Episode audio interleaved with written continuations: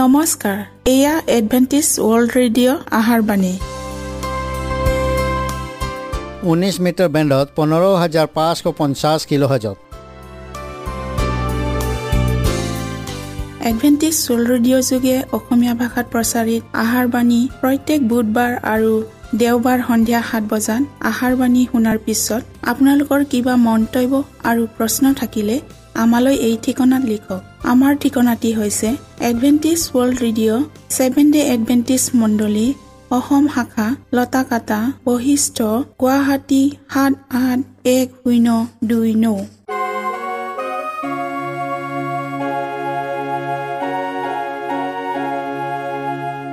প্ৰিয় শ্ৰোতা বন্ধুসকল এতিয়া শুনো আহক এটি খ্ৰীষ্টীয় ধৰ্মীয় গীত।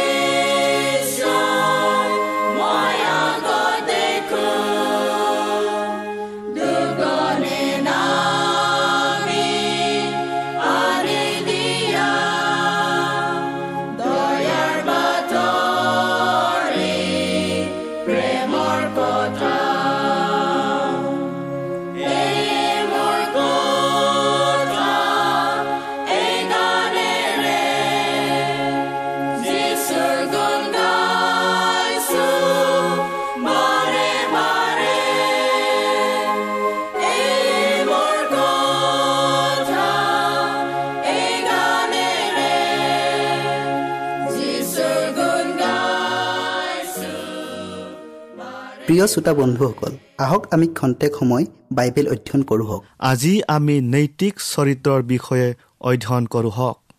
বাইবেল প্ৰতি লোৱা হৈছে দ্বিতীয় কৰিন্থিয় দহ অধ্যায়ৰ পোন্ধৰ পদ।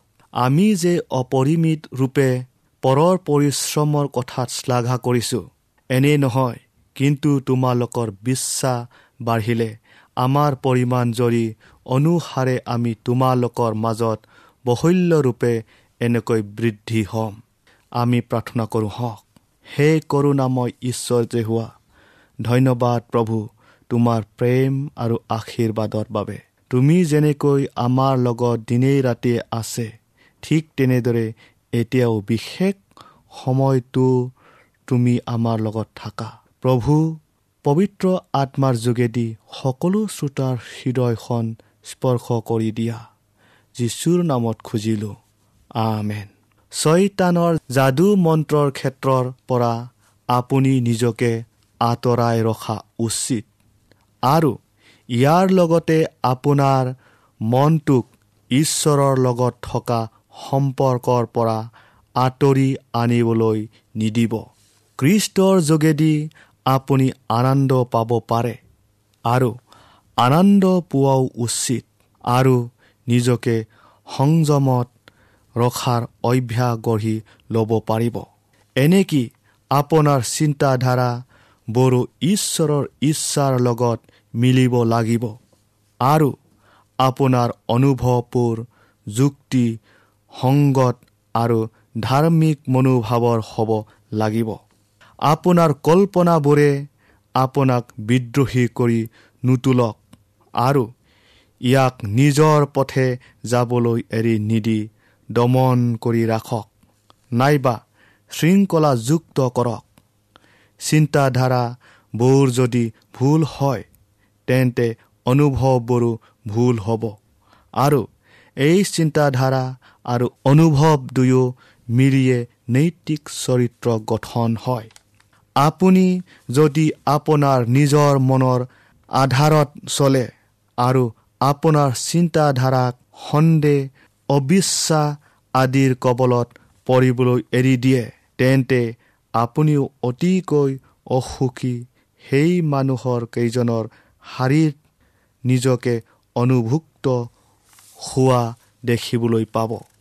আপুনি এটা মানসিক বেমাৰত আক্ৰান্ত হৈছে। আপুনি আপোনাৰ নিজস্ব বিচাৰধাৰা আৰু বোধ শক্তিক আপোনাৰ অনুভৱৰ হাতত সম্পূৰ্ণকৈ এৰি দিয়াৰ দ্বাৰাই আপুনি ঈশ্বৰক অৱজ্ঞা কৰিছে। আপোনাৰ সিদ্ধান্ত ল'ব পৰা এটা ইচ্ছা শক্তি আছে যিটোৱে মনটোক শৰীৰৰ ওপৰত ক্ৰিয়া কৰিবলৈ বাধ্য কৰায় যাৰ ফলত আপোনাৰ ৰক্ত সঞ্চালয়ত অসমতা স্থাপন হয় আৰু ইয়াৰ ফলত কিছুমান অংগত তেজৰ চাপ বৃদ্ধি পায়। আৰু ইয়াৰ দ্বাৰাই আপুনি আপোনাৰ স্বাস্থ্যখিনিক অনুভৱৰ হাতত গতাই দিছে। আপুনি এনে এটা মাৰাত্মক ভুল কৰিছে যিটো ভুলৰ শুধৰণি নাই আৰু যিটো ভুলৰ দ্বাৰা আপোনাৰ সমস্ত সুখ নাইকিয়া হ'ব পাৰে। আপুনি নিজকে ঘূণীয়া কৰিছে মাত্ৰ নিজকে নহয় কিন্তু আপোনাৰ পৰিয়ালৰ আন সদস্যসকলকো ঘূণীয়া কৰিছে। আপুনি আপোনাৰ কুকল্পনা বেয়া চিন্তাবোৰক দমন কৰক। এইবোৰে যদি আপোনাৰ কল্পনাক পৰাভূত কৰিব নোৱাৰে সেয়া পাপ নহয়। কিন্তু পৰাভূত হয় যদি মহাশত্ৰুজনৰ হাতত নিজকে অৰ্পণ কৰে তেন্তে সেয়ে পাপ হ'ব। আপোনাৰ ইচ্ছা কল্পনাবোৰ পবিত্ৰকৃত হোৱা দৰকাৰ আৰু ঈশ্বৰৰ বিপক্ষে নগৈ সপক্ষে যোৱা দৰকাৰ। এখন দুখেৰে ভৰা আৰু জটিলতাৰে ভৰা জগতত মানুহে নিজকে ৰাখি আহিছে। আদম আৰু হাৱাৰ দৰে মানুহক পৰীক্ষা আৰু প্ৰমাণ কৰিবলৈ ইয়াত ৰখা হৈছে। যাতে মানুহ জাতিটোৱে এক শুদ্ধ চৰিত্ৰৰ গৰাকী হ'ব পাৰোঁ আৰু বিচ্ছিন্নতা আৰু বিবুদ্ধিত নপৰি ঐক্যতাত আহিব পাৰে। বহুতো আৱশ্যকীয় কাম আমাৰ কৰিবলগীয়া আছে। আনন্দ কৰিবলগীয়া বহুতো বিষয়ো আছে। খ্ৰীষ্টৰ যোগেদি আমি ঈশ্বৰৰ সৈতে ঐক্যতাত সোমালোঁ। তেওঁৰ কৰোণাই আমাক বাধ্য কৰি তুলিলে। আমাৰ আটাই কুকল্পনাবোৰ ত্যাগ কৰি তেওঁৰ প্ৰতিটো মংগল কাৰ্যক যিটোক তেওঁ আমাৰ বাবে কৰিছে তাক সমাধাৰ কৰিবলৈ শিকোৱা আহক। ইয়ুব আঠাইছ অধ্যায়ৰ ওঠৰ পদটো আমি আকৌ চাওঁ তাৰ আগত পোৱাল আৰু স্ফটিকৰো নাম ল'ব নোৱাৰি। এনেকি পদ্মৰাগ বাকৰতকৈও জ্ঞানৰ মূল্য অধিক।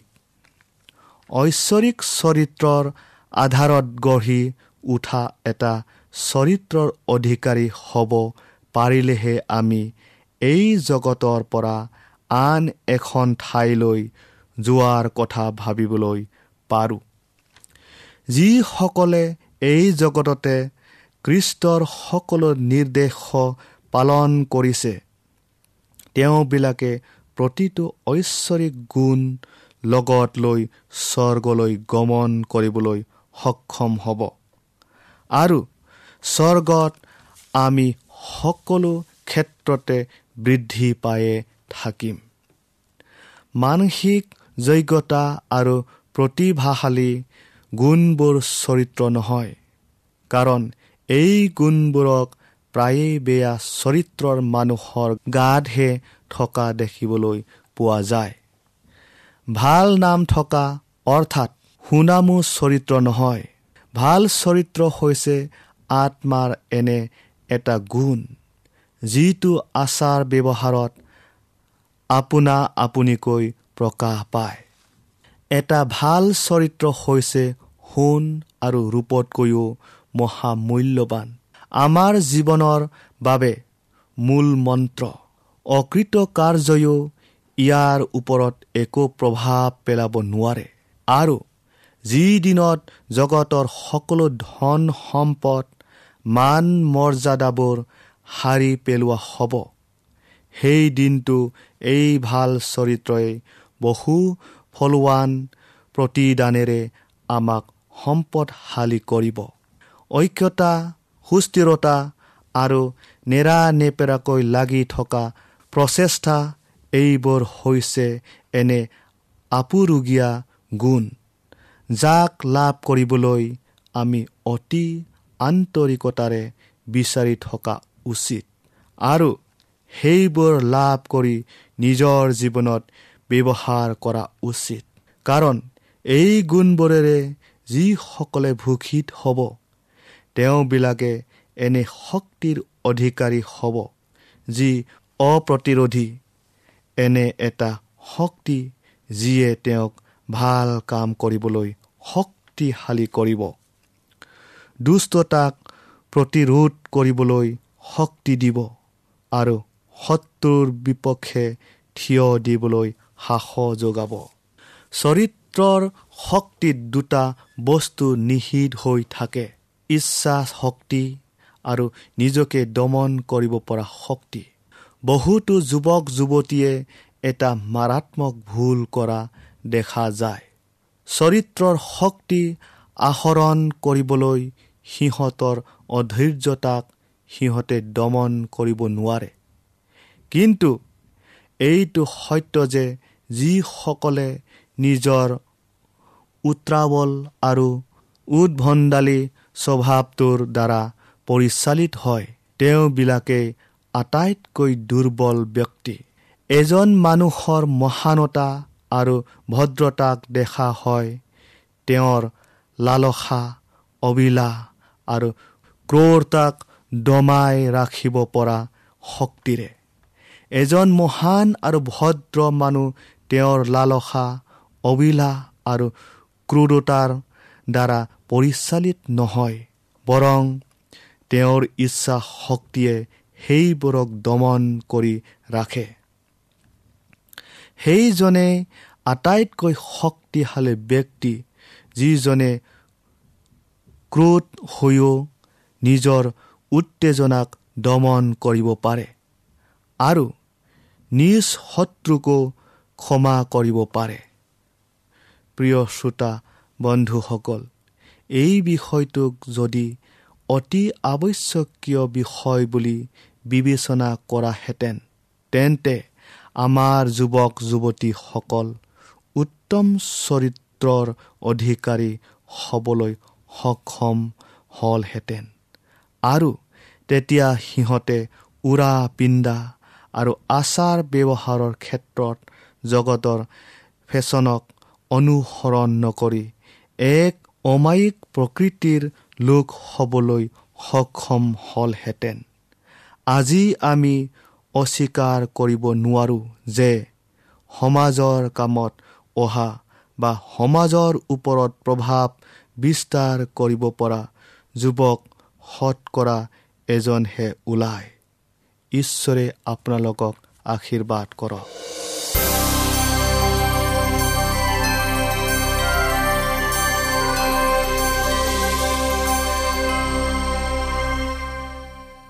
আমাৰ আজিৰ বিষয়টি হ'ল আমাৰ সকলো সা সম্পত্তি ঈশ্বৰৰ বিনামূল্যে তোমালোকে পালা বিনামূল্যে দান কৰিবা মঠি দ অধ্যায়ৰ আঠ পথ আমি প্ৰাৰ্থনা কৰোঁ হওক।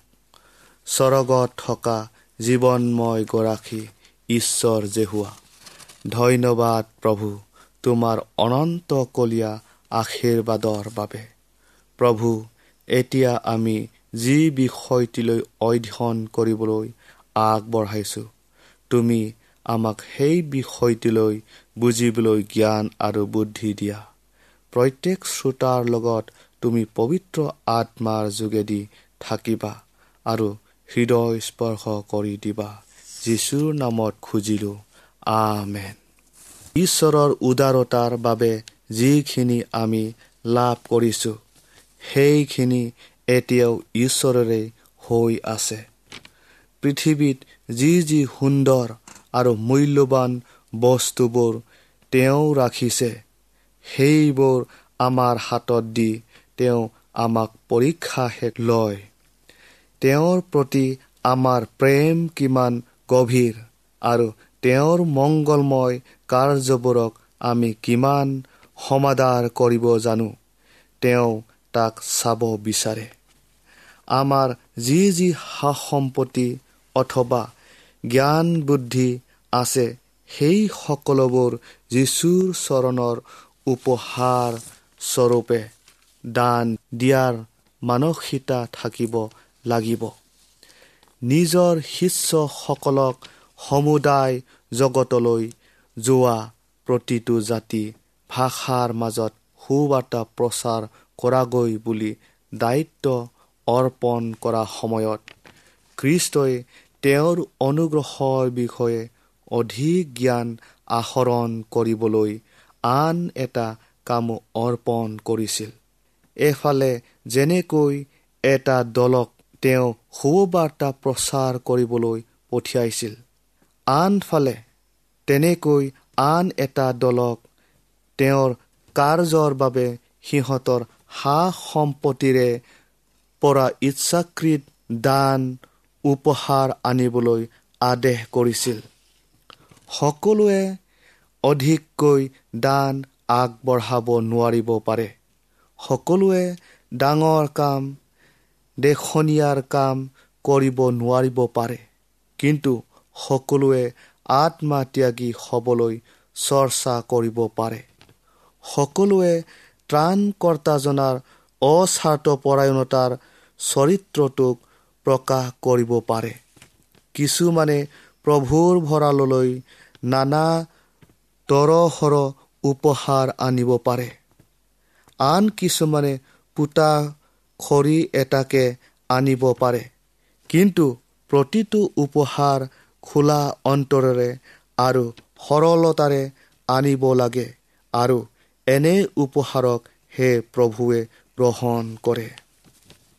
বহুতে ভাবি আচৰিত হ'ব পাৰে যে এই আত্মাত্যাগী হোৱাৰ কাৰ্যৰ দ্বাৰাই বাৰু ঈশ্বৰৰ ভঁৰালত কিহৰ ধননো সাঁচিব পৰা যাব বুলি। কিন্তু আত্মাত্যাগী নোহোৱা ব্যক্তিৰ বৃহৎ পৰিমাণৰ দান বৰঙণিতকৈ আত্মাত্যাগী সৰলৰ বলিদানৰ কাৰ্যৰ দ্বাৰা সংগ্ৰহিত দান বৰঙণি ঈশ্বৰৰ দৃষ্টিত অধিক মূল্যৱান উদাৰতাৰ যি আত্মা সেয়া হৈছে স্বৰ্গৰ পৰা আত্মা। কৃষ্টৰ যি আত্মা বলিদান সেয়া ক্ৰুচৰ ওপৰত প্ৰকাশিত হৈছিল। মানুহে যাতে উদ্ধাৰ পাব পাৰে তাৰ বাবে তেওঁৰ যি সকলো আছিল সকলোখিনিকে ঢালি দিছিল আৰু সৰ্বশেষত নিজকে অৰ্পণ কৰিছিল। ত্ৰাণকৰ্তাজনৰ আশীৰ্বাদ প্ৰাপ্ত প্ৰত্যেকজন অনুসৰণকাৰীয়ে যেন পৰম শৈতিষী হ'ব পাৰে তাৰ বাবে কৃষ্টৰ ক্ৰুচে নিবেদন কৰিছে। ক্ৰুচৰ নীতিয়ে হৈছে আনক দিয়া দান কৰা। আনফালে জগতৰ নীতি হৈছে লোৱা আৰু লোৱা। কৃষ্টৰ সেই ক্ৰুচৰ পৰা শুভবাৰ্তাৰ যি পোহৰ প্ৰকাশিত হৈ আছে সেই পোহৰে স্বাৰ্থপৰতাক তিৰস্কাৰ কৰি আছে। ঈশ্বৰৰ মানুহখিনিৰ অনেক ব্যক্তিয়ে জাগতিকতা আৰু লাভ লালসা আদিৰ ভয়াৱহ জালত ভৰি থৈছে। তেওঁবিলাকে এইটো বুজি পোৱা উচিত যে কেৱল তেওঁৰ কৰোণাইহে সিহঁতৰ প্ৰয়োজনখিনিক যোগান ধৰিব পাৰে। এইদৰে তেওঁ মানুহক এটা মাধ্যম হিচাপে গঢ়ি লয় আৰু এই মাধ্যমৰ মাজেৰে তেওঁ তেওঁৰ আশীৰ্বাদ পৃথিৱীত বিলাই দিয়ে। প্ৰিয় শ্ৰোতা বন্ধুসকল ঈশ্বৰে এনে উপকাৰী আঁচনি তৈয়াৰ কৰে যাৰ দ্বাৰা মানুহে নিজৰ সৃষ্টিকৰ্তাজনৰ নিচিনা পৰম সেইতিষী আৰু নিস্বাৰ্থ চৰিত্ৰৰ গৰাকী হ'ব পাৰে আৰু অৱশেষত কৃষ্টৰ সৈতে অনন্তকলীয়া গৌৰৱময় পুৰস্কাৰ ভাগি হয়।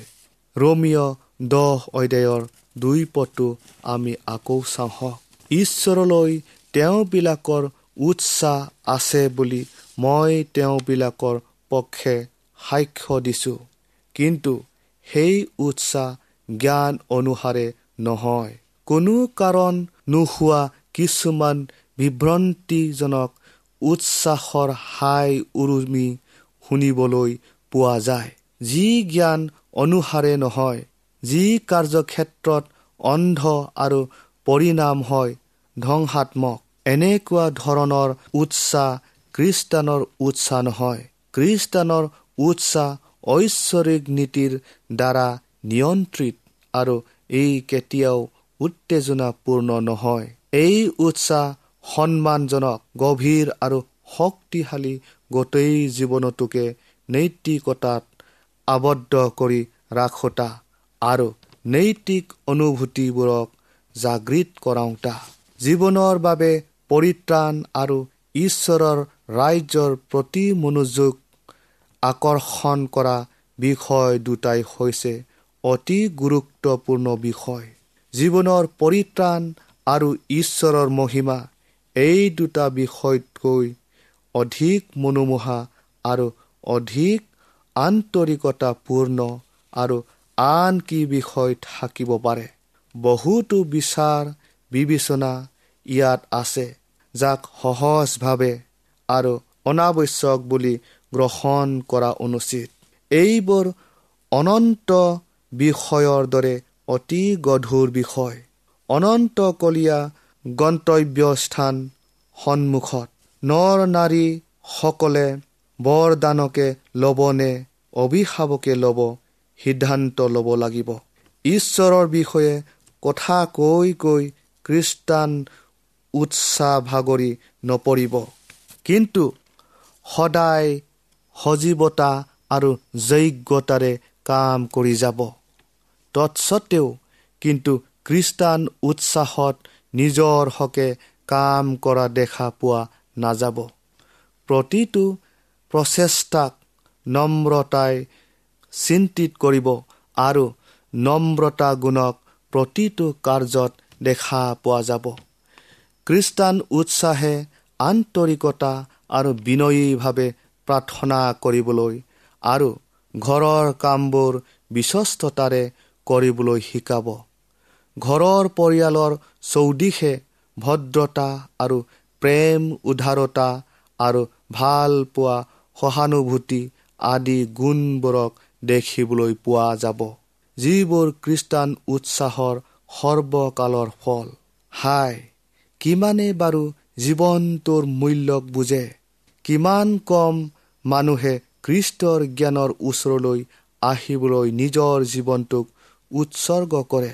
ধ্বংসৰ পথত গতি কৰা জীৱনটোক ভাল পোৱা বুলি আৰু এই জীৱনটোৰ বিষয়ে নানা তৰ্শৰ কথা বতৰা কিমান শুনিবলৈ পোৱা যায়।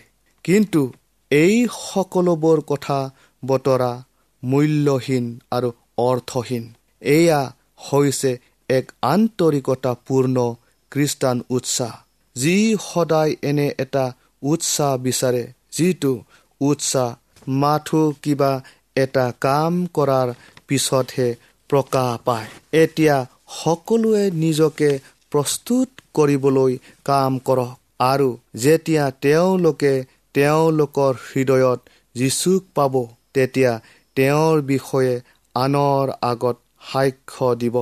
প্ৰিয় শ্ৰোতা বন্ধুসকল নাইগ্ৰা জল প্ৰপাতে যেনেকৈ ওপৰৰ পৰা বৈ আহি তললৈ পৰা জলৰাশিক বাধা দিব নোৱাৰে তেনেকৈ যিবিলাকে যীশু খ্ৰীষ্টক পালে তেওঁবিলাকে যীশুৰ বিষয়ে কেতিয়াও নোকোৱাকৈ থাকিব নোৱাৰে। প্ৰিয় শ্ৰোতা বন্ধুসকল প্ৰতিজন খ্ৰীষ্টানৰ বাবে অনন্ত জীৱন বিষয়টো আটাইতকৈ গভীৰ আৰু মনোযোগ আকৰ্ষণ কৰা বিষয় হ'ব লাগে। পৰিত্ৰাণৰ মহান পৰিকল্পনা কৃষ্টৰ আৰু দুখ দ্ৰুতগণৰ সহকৰ্মী হ'বলৈ এই বিষয়ৰ সম পৰ্যায়ৰ আৰু আন কি বিষয় থাকিব পাৰে বাৰু? প্ৰতিজন ত্ৰাণপ্ৰাপ্ত ব্যক্তিৰ পৰা ঈশ্বৰৰ গৌৰৱ ওলাই আহে আৰু তেওঁৰ পৰা ঈশ্বৰৰ চৰিত্ৰ প্ৰতিফলিত হয়। ঈশ্বৰে আমাক সকলোকে আশীৰ্বাদ কৰক।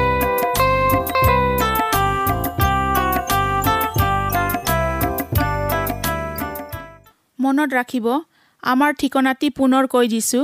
Adventist World Radio' Assam region of seven day Adventist Voice of Hope Latakata Basistha Guwahati seven eight one zero' two nine প্ৰিয় শ্ৰোতা বন্ধুসকল এডভেণ্টিজ ৱৰ্ল্ড ৰেডিঅ' যোগে আহাৰবাণী প্ৰচাৰত আপোনালোকক পুনৰ লগ পোৱাৰ আহাৰে আজিলৈ সামৰিলোঁ। ধন্যবাদ।